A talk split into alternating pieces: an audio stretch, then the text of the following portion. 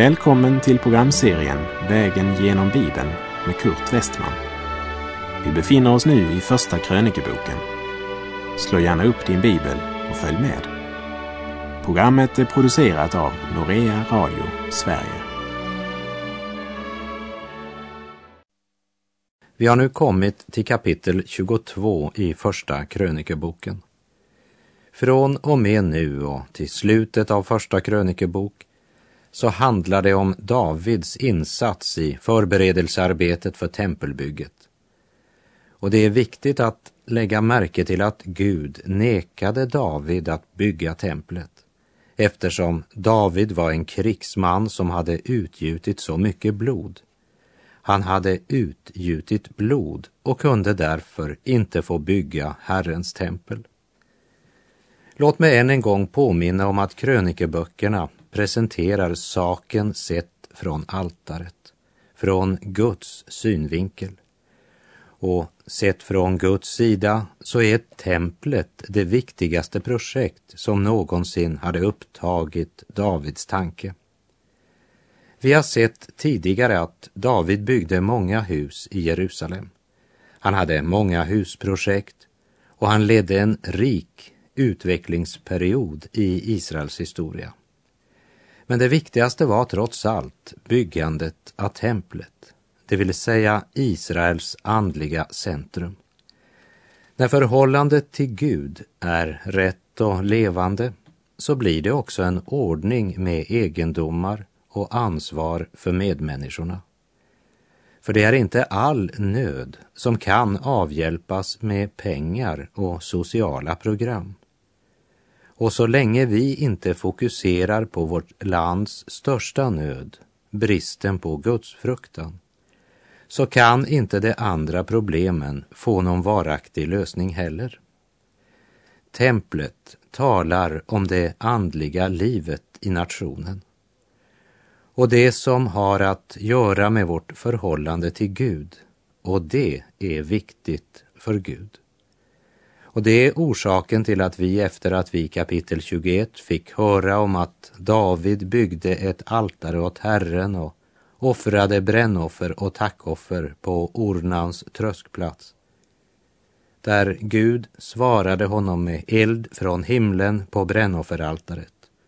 Därefter får vi alltså inga fler detaljer om Davids liv, utom hans insats att samla material till tempelbygget.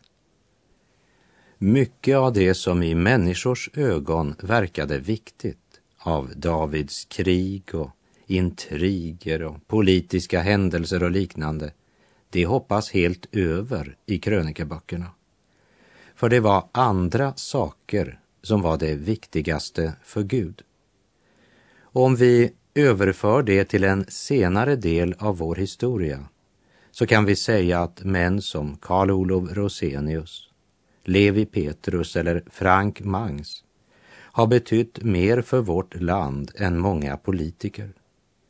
Och innan vi nu vandrar vidare genom kapitel 22 ska vi bara påminna om att kapitel 21 avslutades med att David offrade brännoffer och tackoffer på Ornans tröskplats.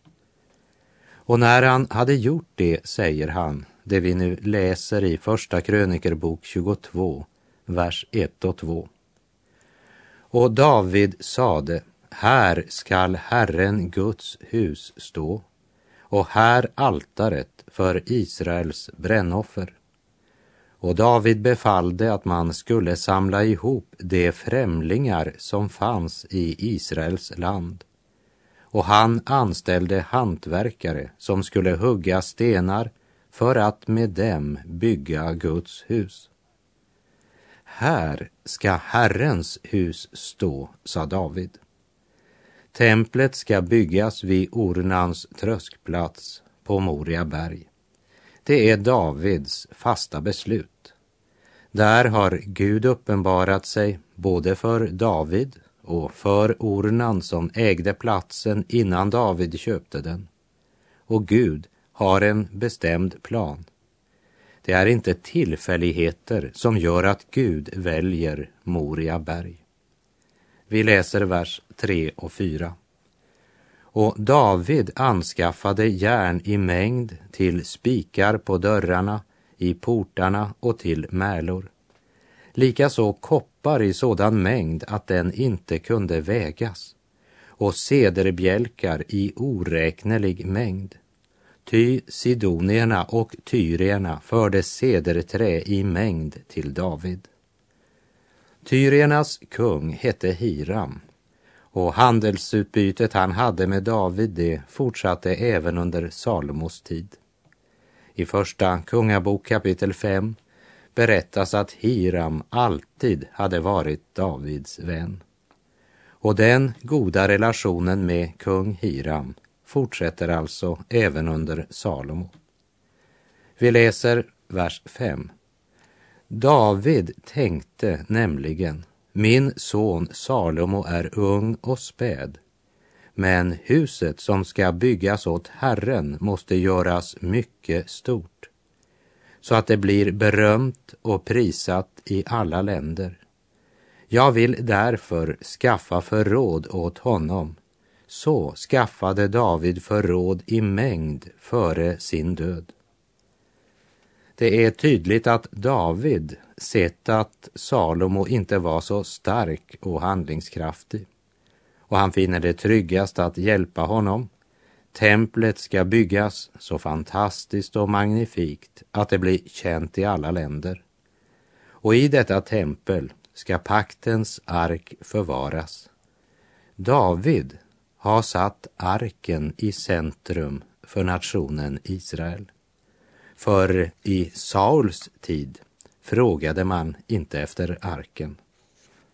Och vi ser att David är upptagen av att Herrens hus ska bli mycket stort. Längre fram på vår vandring, vägen genom Bibeln, ska vi se att hans son Salomo var mera upptagen av att hans eget hus skulle vara stort.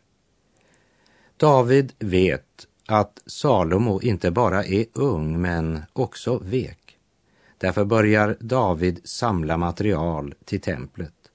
Men han ger Salomo uppdraget att bygga templet. Vers 6 till 8. Och han kallade till sig sin son Salomo och befallde honom att bygga ett hus åt Herren, Israels Gud. Och David sade till sin son Salomo, jag hade själv i sinnet att bygga ett hus åt Herrens, min Guds, namn. Men Herrens ord kom till mig. Han sade, du har utgjutit blod i mängd och fört stora krig. Du skall inte bygga ett hus åt mitt namn eftersom du har utgjutit så mycket blod på jorden i min åsyn. David hade alltså planerat att bygga Herrens tempel. Men Gud grep in och förändrade planen. Och David, han gör som Gud har sagt. Orden om att David inte kunde bygga templet därför att han utgjutit blod, det säger oss att Gud ser på krig som något ont. Krig och strid, det är något som kommit in i världen genom syndafallet. Och Gud önskar inte att Israel ska bygga sin existens på fysisk makt. Men när krigen ändå tillåts så är det därför att genom syndafallet blev kriget ett nödvändigt ont. Men David, som själv är stridsman och har utgjutit mycket blod, kan därför inte få bygga Herrens tempel. Vers 9. Men se, åt dig ska födas en son, han ska bli en fridsam man och jag ska låta honom få fred med alla sina fiender runt omkring. Ty Salomo ska han heta, och frid och ro ska jag låta vila över Israel i hans dagar. Gud sa att Salomo skulle vara en fridsam man och Herren skulle ge vila över Israel i hans dagar. Men som vi ska se så var det inte en permanent vila. Men det var en som stod framför Israels folk och sa när de religiösa ledarna förkastade honom. Kom till mig, alla ni som arbetar och bär på tunga bördor, så ska jag ge er vila, som det står i Matteus 11.28. Och han ska göra det Salomo inte kunde, för han är den store Davids större son. Men han tvingar ingen. Han bara säger, se, jag står vid dörren och klappar på. Om någon hör min röst och öppnar dörren skall jag gå in till honom och hålla måltid med honom och han med mig.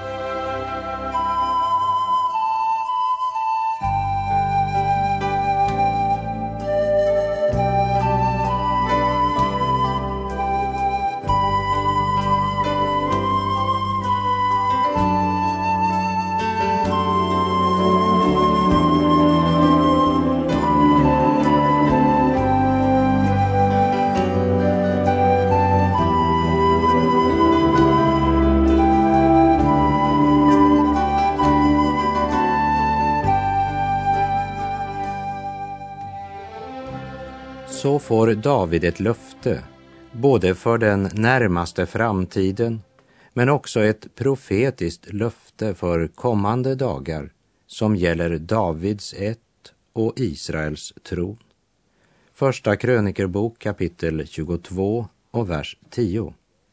Han skall bygga ett hus åt mitt namn. Han ska vara min son och jag ska vara hans fader och jag skall befästa hans kungatron över Israel för evig tid. Som vi har sett så är Herren Jesus Kristus uppfyllelsen av detta löfte. Personligen så tror jag inte att David var så intresserad av att Salomo skulle bli kung. Han hade växt upp i en bekväm tillvaro i ett palats som var fullt av kvinnor. Han var ganska okänd med livet och konsten att försvara sig själv i den olända terräng där hans fader David levt i många år. David och Salomo är två fullständigt olika människor och de hade ju också helt olika uppväxtförhållanden. Men nu försöker David göra Salomo entusiastisk för tempelbygget. För det är Davids viktigaste hjärtesak att bygga ett magnifikt och storslaget tempel. Men, säger han till sin son, jag får inte lov att bygga det. Jag har blod på mina händer. Låt mig bara stoppa upp här lite grann och säga David kunde inte komma undan syndens konsekvens. Han kunde inte göra det han önskade mer än något annat på jord, att bygga templet. Och det är många som inte nådde sina mål i livet på grund av synd i sitt liv. Synden drar oss ned. Den hindrade David. Och nu talar han till sin son Salomo och säger i vers 11 så må nu Herren vara med dig, min son. Må du bli lyckosam och få bygga Herrens, din Guds hus, så som han har lovat dig. Det är som om David ville påminna sin son om att löftet kommer från Gud. Må du få bygga Herrens hus så som han har lovat dig. Davids ord det är både en önskan om välsignelse och en förbön. David har på ett smärtsamt sätt genom livet lärt att eh, lyckan, det är att vara i Guds plan. Och Davids roll i förberedelsen för tempelbygget, den var både stor och viktig. Och vi kan säga om Salomo som Jesus sa i Johannes 4.38 Andra har arbetat och ni har gått in i deras arbete. David visste vad synden hade ödelagt i hans eget liv. Och nu uppmanar han Salomo att hålla Herrens lag. Han hade nog sett att även nästa generation bar på syndens smitta. Vi läser första krönikerbok 22, vers 12 och 13. Må Herren endast ge dig klokhet och förstånd när han sätter dig till härskare över Israel och hjälpa dig att hålla Herrens, din Guds lag. Då ska du bli lyckosam om du håller och gör efter de stadgar och lagar som Herren har befallt Mose att ålägga Israel. Var frimodig och oförfärad. Frukta inte och var inte försagd. David känner Salomo och han vet vad det är att vara kung. Han vet att synden är en del också av Salomos verklighet. David vet att inför den stora uppgiften kan Salomo bli rädd och förlora frimodigheten. Och efter uppmaningen att inte frukta, men vara oförfärad, börjar David nämna vad han trots allt har samlat. Vers 14. Och se, trots mitt betryck har jag nu anskaffat till Herrens hus ett hundratusen talenter guld och tusen gånger tusen talenter silver. Dessutom av koppar och järn mer än som kan vägas, ty så mycket är det. Trävirke och sten har jag också anskaffat och mer må du själv anskaffa. Det är tydligt att David har bestämt sig för att det ska inte fattas material till bygget. Här skulle det inte göras några nedskärningar. Ingenting skulle saknas när man nu började arbetet med det hus man skulle bygga till Guds ära. Och det har inte gått Guds tron obemärkt förbi att David under en tid av strider och svårigheter när David kämpade för att bygga upp nationen och med allt arbete det medförde ändå hade fortsatt att samla material till tempelbygget. Det säger inte så lite om David. I det nya testamentet berättas det om en sådan Davids hållning bland församlingarna i Makedonien som Paulus skriver i Andra Korinterbrevet 8, de fyra första verserna. Vi vill tala om för er bröder vilken nåd Gud har gett församlingarna i Makedonien.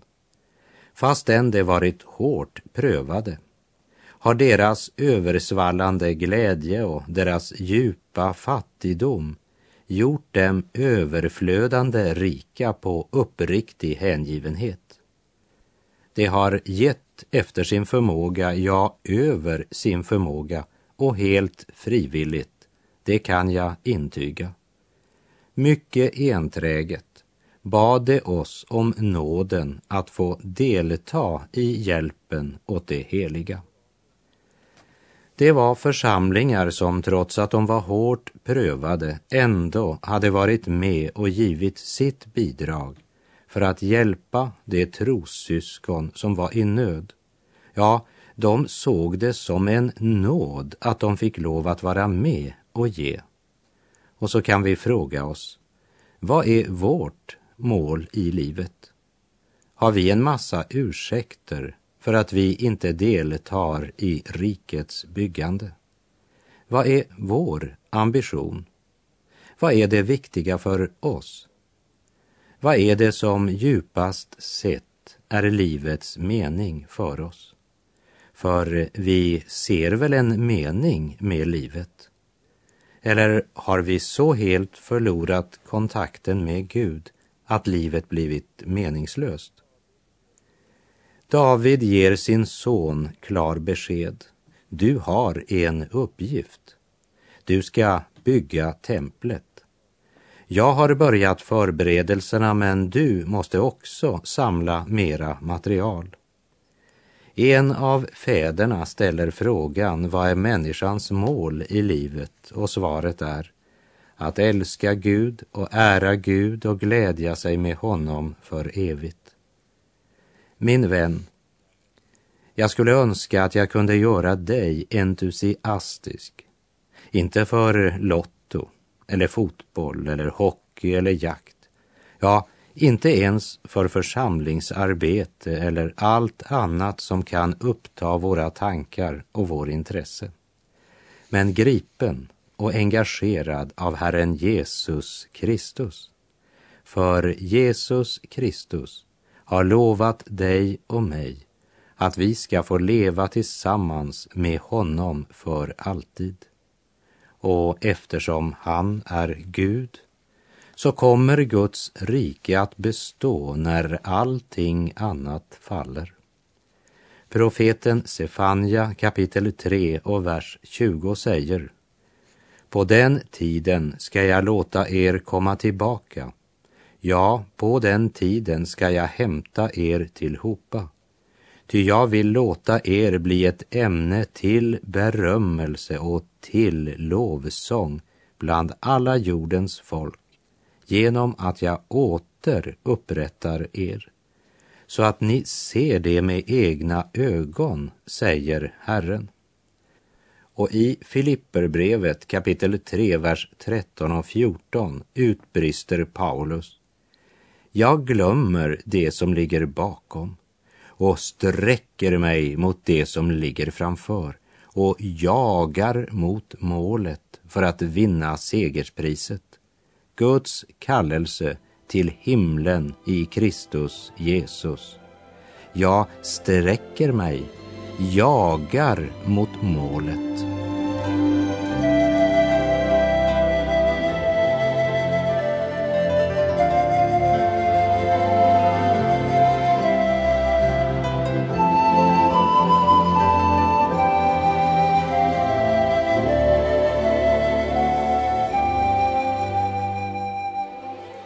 Glömmer det som ligger bak, sträcker mig mot det som ligger framför. Jag jagar mot målet, sa Paulus. Och det är något av denna entusiasm hos David när han försöker ge den vidare till sin son Salomo. Och han säger, du har massor av material. Du har arbetare, gå till verket. För allt du har blir till ingen nytta om du inte gör något med det du har fått. Vi läser första krönikerbok kapitel 22, vers 15 till och med 19.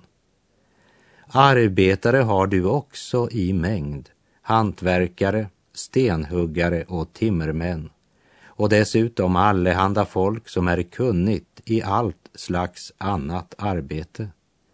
På guldet, silvret, kopparen och järnet kan ingen räkning hållas.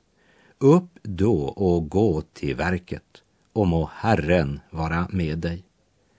Därefter befallde David att alla Israels förstar att de skulle understödja hans son Salomo. Han sade, Herren, er Gud, är ju med er och har låtit er få ro på alla sidor. Ty han har gett landets förra inbyggare i min hand och landet har blivit Herren och hans folk lydigt.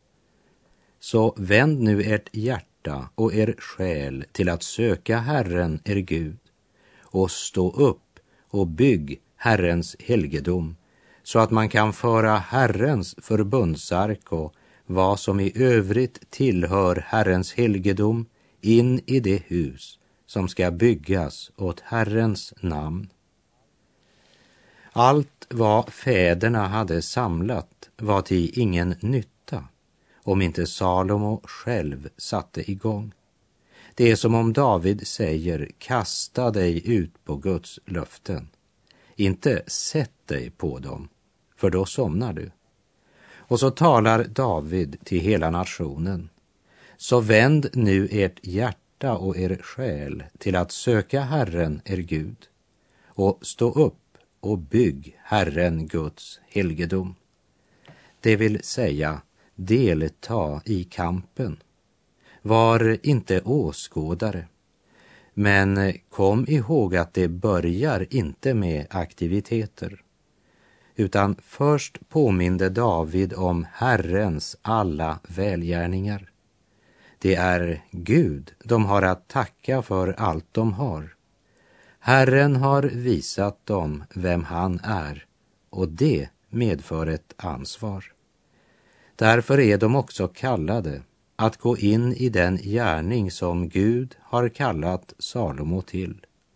Gör det lilla du kan, gör det villigt och glatt.